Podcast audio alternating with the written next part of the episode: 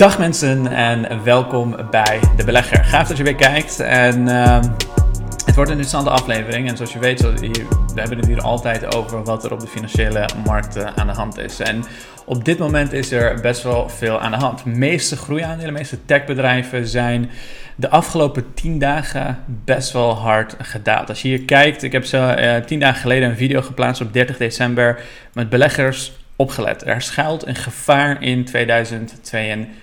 20. En wat gebeurt er? Precies 10 dagen daarna, 30 december, Shopify daalt 20%. De Trade Desk sinds 30 december daalt 15%. MongoDB vanaf 30 december 20%. En ga zo maar door. Ook Bitcoin is flink in uh, waarde gezakt. Bitcoin staat sinds het allerhoogste punt zo'n uh, 38% uh, lager. En dat heeft er alles mee te maken met het feit dat de Federal Reserve hun notulen, een vergaderingsnotulen naar buiten zijn gebracht. Ik heb het afgelopen vrijdag ook een beetje besproken, maar ik zal je iets meer duiding, iets meer uitleggen over wat er nou precies op de beurs aan de hand is en waarom komt die, waar komt die schok vandaan? Waar komt het vandaan dat mensen zo in paniek zijn dat ze flink hun aandelen aan het verkopen zijn? Waarom gaat die beurs nou daadwerkelijk omlaag doordat die notulen naar buiten zijn gebracht? Want we, zijn, we hebben er heel kort bij stilgestaan, maar ik denk dat er veel meer aan de hand is dan dat we denken. Um, laten we allereerst even opsommen wat er precies is uh, gebeurd. Um, het was vorig jaar maart, dus 2021 maart, dat voor het eerst duidelijker werd dat inflatie hoger zal zijn dan de meeste mensen verwachten. Voor het eerst in maart. En op dat moment zag je dat de rentestanden vanaf, ik geloof 0,8 of iets dergelijks, omhoog schoten naar 1,7. Alle techbedrijven, ook Bitcoin, is in die tijd flink naar beneden gezakt. En de reden daarvoor is aan de ene kant natuurlijk, uh, theoretisch gezien, worden, wordt geld in de toekomst wat minder waard op dat soort momenten. En heel veel institutionele, institutionele beleggers die gebruiken weighted uh, average cost of capital, oftewel WACC als rekenmethode. En alle verschillende uh, institutionele partijen gebruiken tegenwoordig computers, robots, dat soort zaken om te zorgen dat hun portefeuilles worden gemanaged. Dus het, gebeurt heel weinig nog uh, handmatig. En dat zorgt ervoor dat wanneer dit soort cijfers naar, boven worden, naar buiten worden gebracht, wanneer iets bekend wordt, dat de beurs daarop schommelt. Dus dat is simpelweg wat de schommeling veroorzaakt. En wat de Fed daarna heeft gedaan, is heeft de temperamenten gekalmeerd. Fed heeft gezegd: nee, we verwachten dat inflatie tijdelijk zal zijn. We verwachten niet dat het zo hoog zal oplopen dat we daadwerkelijk sneller moeten gaan ingrijpen. En wat gebeurt er tijdens de volgende meeting? De Fed zegt de, dat inflatie niet van tijdelijke aard zal zijn. En de reden dat ze dat zeggen is omdat ze zeggen: er zou altijd een um, discrepantie kunnen zijn tussen wat we denken en wat er daadwerkelijk gebeurt. En om te zeggen dat dat van tijdelijke aard gaat zijn, dan gaan allemaal mensen daar hysterisch mee aan de slag en zeggen: Ja, zie nou, dat is, het was niet tijdelijk. Het zou kunnen zijn dat het misschien drie, vier, vijf, zes maanden langer of korter duurt dan dat we verwachten. En de Fed die heeft dus teruggetrokken dat het tijdelijk zou zijn. En nadat ze dat terug hebben getrokken, hebben ze ook gezegd, we gaan rentes verhogen. We gaan rentes verhogen in drie verschillende stappen, een jaar eerder dan dat we verwacht hadden. En als je, zoals je weet, de 10-year treasury, dat is waar we het hebben als we het hebben over de rentestanden. Dat is eigenlijk een manier voor heel veel institutionele partijen, heel veel grote beleggers om aan te geven aan de markt wat ze nou daadwerkelijk verwachten dat inflatie zou zijn. Dus laten we zeggen, je verwacht uh, eh, 10% inflatie. Uh, dan moeten de rente op zijn minst 10%, um, uh, de, de 10-year treasury moet dan op zijn minst op 10% staan om te zorgen dat je wordt gecompenseerd voor de inflatie die je, die je meekrijgt. Als je dat niet doet, dan verlies je, dan is de reële rente eigenlijk zo laag dat je ontzettend veel geld gewoon verliest uh, elk jaar. En wat er nu aan de hand is, is dat die rente waarschijnlijk richting de 2% gaat. En dat is waar die hele paniek op dit moment om, om te doen is omdat uit de notulen van de Fed-vergadering is gebleken dat de Fed misschien wel paniekvoetbal aan het spelen is. Want waarom zou je zeggen dat je de rentes niet versneld gaat verlagen of uh, verhogen, uh, terwijl er aan de andere kant uit de notulen komt dat er zelfs heel veel mensen zijn geweest die hebben gezegd: hey, rente verhogen op, in die drie verschillende stappen is niet genoeg. Nee, we gaan daadwerkelijk obligaties verkopen. Verkopen. dat is iets je heel moet nieuws. eerst je iPhone oh. ontgrendelen. Dat is iets waar op dit moment de beurzen uh, over aan het panikeren zijn. Die zeggen, waarom zou de Fed op dit moment hun obligaties beginnen te verkopen? Want wat je daarmee namelijk krijgt is ontiegelijk veel verkoopdruk op die obligaties. Waarschijnlijk veel hogere rentes. En daarmee suggereer je dus ook dat inflatie misschien uit de hand is gelopen. Ja, dan krijg je paniek. Dan krijg je dit soort tafereelen. En naar mijn mening zijn dit soort tafereelen de beste momenten om de beste bedrijven tegen een veel lagere waardering, tegen een veel betere prijs te kunnen kopen. Dat is iets wat ik langzaamaan ook aan het doen ben. En dat is iets wat ik dus over de loop van tijd heen ook zal blijven doen. Want ik weet niet hoe, zo, hoe lang zoiets duurt. Ik weet niet hoe, wanneer het afgelopen is en hoe ver we nog kunnen dalen.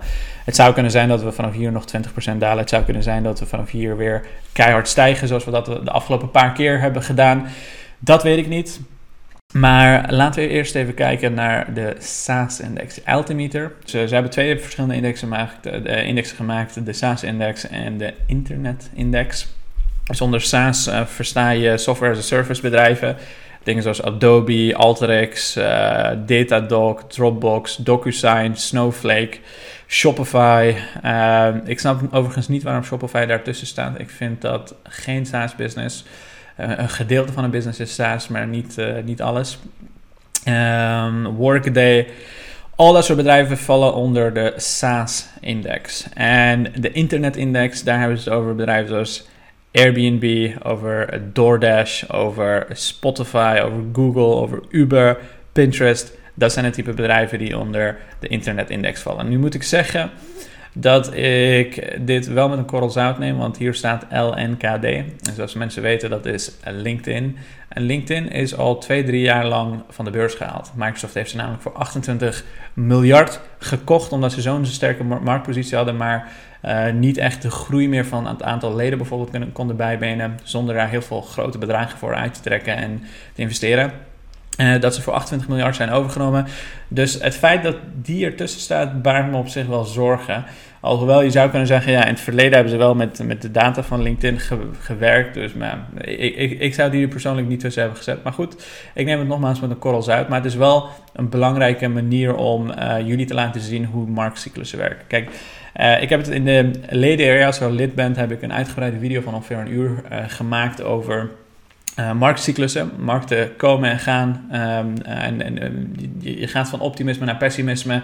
En het is uh, binnen een seconde gebeurd in principe. Van de ene dag op de andere dag kan de markt uh, omslaan. En zodra dat gebeurt, dan heb je ook een stroom van slecht nieuws, van gespeculeer, van allerlei dingen die volledig worden uitvergroot en besproken. En op dit moment zitten we dus in die marktcyclus. En wat je ziet hier voor je, is dat de waarderingen van SaaS-bedrijven toch wel fors waren opgelopen tijdens de uh, COVID-gedeelte van de, uh, tijdens de COVID-pandemie. Dus uh, als je ziet, sinds januari, of ja, eigenlijk alles voor januari 14, 2014 tot en met januari 2018 was onder de 8,7 um, keer de enterprise value delen door de net 12 months revenue.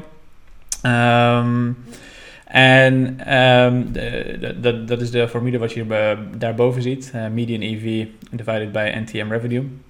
En wat uh, die 8,7 dat laat zien wat de mediaan is. En zoals je weet, we oscilleren altijd rondom een bepaald gemiddelde.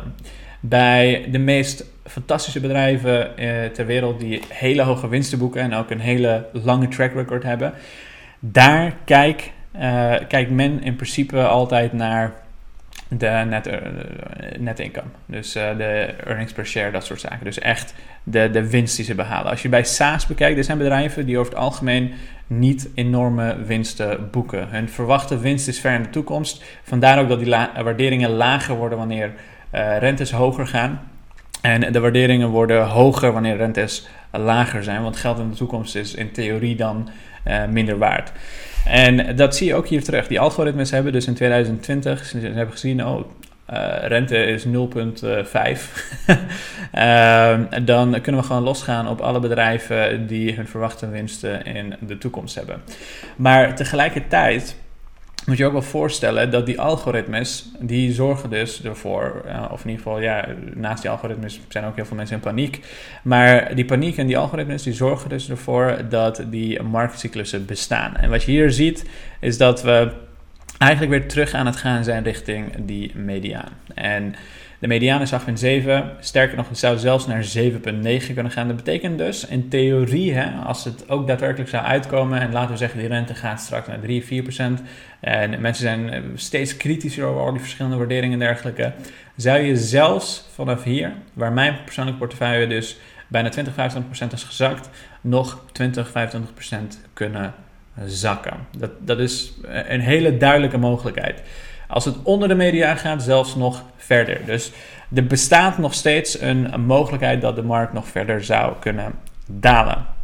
Um, laat me je vertellen waarom ik denk dat uh, dat eventueel ook niet zou kunnen gebeuren. Het zou, eh, als je kijkt bijvoorbeeld naar de internetstocks, die zijn al wel echt flink meer gezakt trouwens. De, de fintechs, woe, de fintechs, die zijn... Oh, kijk, kijk naar Blok, uh, of naar... Blok heten ze tegenwoordig, maar Square uh, heet ze toen. Maar als je, als je opzoekt Blok heet ze tegenwoordig, kijk naar de, de waarderingen van Blok. En kijk naar hoe hard ze daar zijn gedaald. Google is trouwens op dit moment misschien een van de goedkoopste en snelst groeiende techbedrijven ter wereld. Ze, ze, je kan ze kopen voor 26 price earnings nu en ze groeien nog enorm hard als call. Dat is ongelooflijk. Um, ehm, 26 jongens. 26 voor Google. Facebook precies hetzelfde. Uh, ook heel goedkoop. Maar goed, er hangen wel natuurlijk uh, luchtjes aan. Er zijn uh, gevaren bij alle verschillende bedrijven. Dus ik, ik zit op zich, ja, voor, met alle privacy gerelateerde issues, alle reguleringen en dergelijke, zou ik Google nooit echt overwegen. Maar ik zit nu al te denken van Google, jongen. Je wordt toch wel veel goedkoper dan dat ik, dan ik ooit dacht dat je zou, zou worden. Als Google een mens was. Maar uh, ja, dit, geeft je wel stof tot nadenken. Uh, de waarderingen zijn redelijk opgelopen, maar tegelijkertijd uh, denk ik dat we in een tijd leven waarin het heel duidelijk wordt dat bedrijven de digitaliseringsslag moeten maken. Er is geen keuze.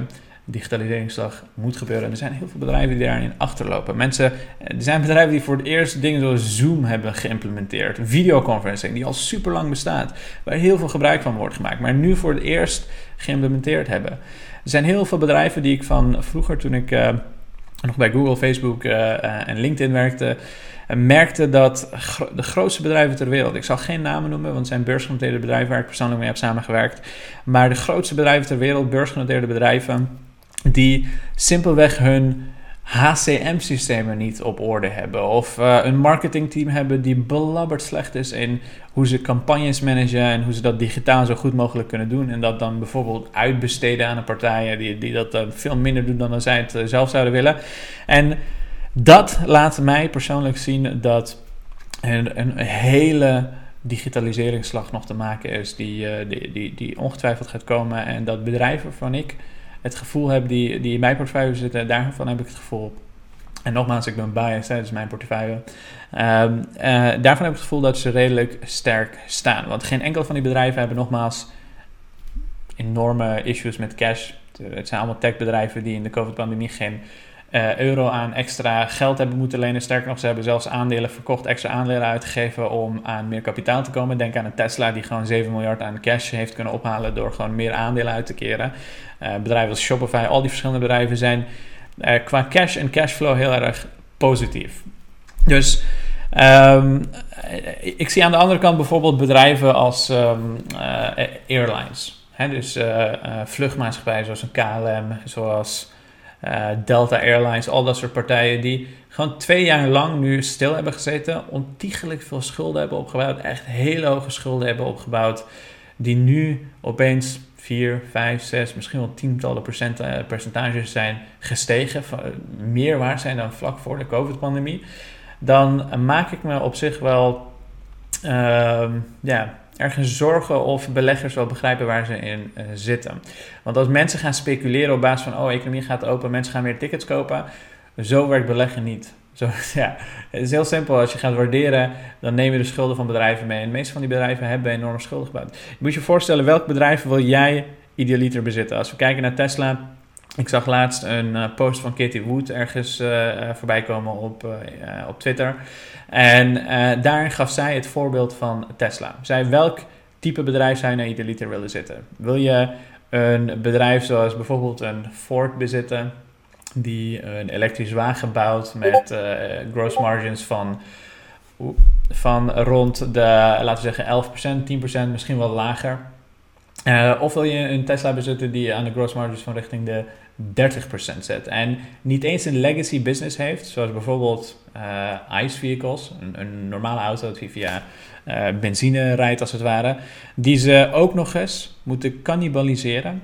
Cannibaliseren betekent je oude business opvreten als het ware, met veel hogere gross margins, waar veel meer winst mee wordt uh, geboekt. Dat ze die moeten gaan cannibaliseren om te zorgen dat ze mee kunnen doen in de EV-markt. En die bedrijven die zullen waarschijnlijk ook gewoon verlieslatend zijn. Met enorme hoge schuldenbergen. Omdat ze dus meer moeten gaan investeren in EV's en dergelijke. Of meer moeten gaan lenen om te kunnen investeren in EV's. Eh, terwijl ze hun eigen business als het ware opvreten. Niet zij alleen het opvreten, maar ook Tesla vreet ze op. Met veel hogere gross margins. Welke zij willen bezitten. Dus dat, is, uh, dat, is, uh, dat, dat zijn de vragen die beleggers moeten, zich moeten gaan afvragen de komende tijd. En daarmee uh, heb ik je hopelijk van alles en nog wat verteld over hoe mijn gedachten zijn bij de markt. Voor de mensen die lid zijn van de community, ik heb vandaag een uitgebreide analyse gemaakt van Roku, een bedrijf die, uh, ik geloof, zo'n 50, 60 procent al gezakt is. Um, en daarnaast een portfolio update waarin ik je meeneem door mijn uh, denkbeelden over hoe ik mijn kapitaal allokeer. Dus wanneer koop ik, wanneer verkoop ik en hoe zie ik over het algemeen mijn eigen portefeuille. Dus check hem, uh, debelegger.nl slash leden als je al lid bent. Als je geen lid bent, check de link hieronder en word lid voor een voorlopig relatief lage prijs. En als allerlaatste, mijn portefeuille zelf is vandaag uh, 0,87% gedaald. Als je kijkt naar ik geloof, uh, wat was het, een uur geleden voordat ik uh, deze video aan het opnemen was, uh, was het zelfs min 3%. Dus het is flink naar boven weer opge opgekrabbeld. Het was, het was gewoon eigenlijk 13k in, in, in de min. maar het is inmiddels opge opgekrabbeld. Je ziet het ook hier in, in de, in de S&P. Enorm hard gedaald. Naar 4,5 van 4,7 bijna. En inmiddels krabbelt het weer terug langzaam omhoog. Uh, dank voor het kijken en nog een hele fijne avond.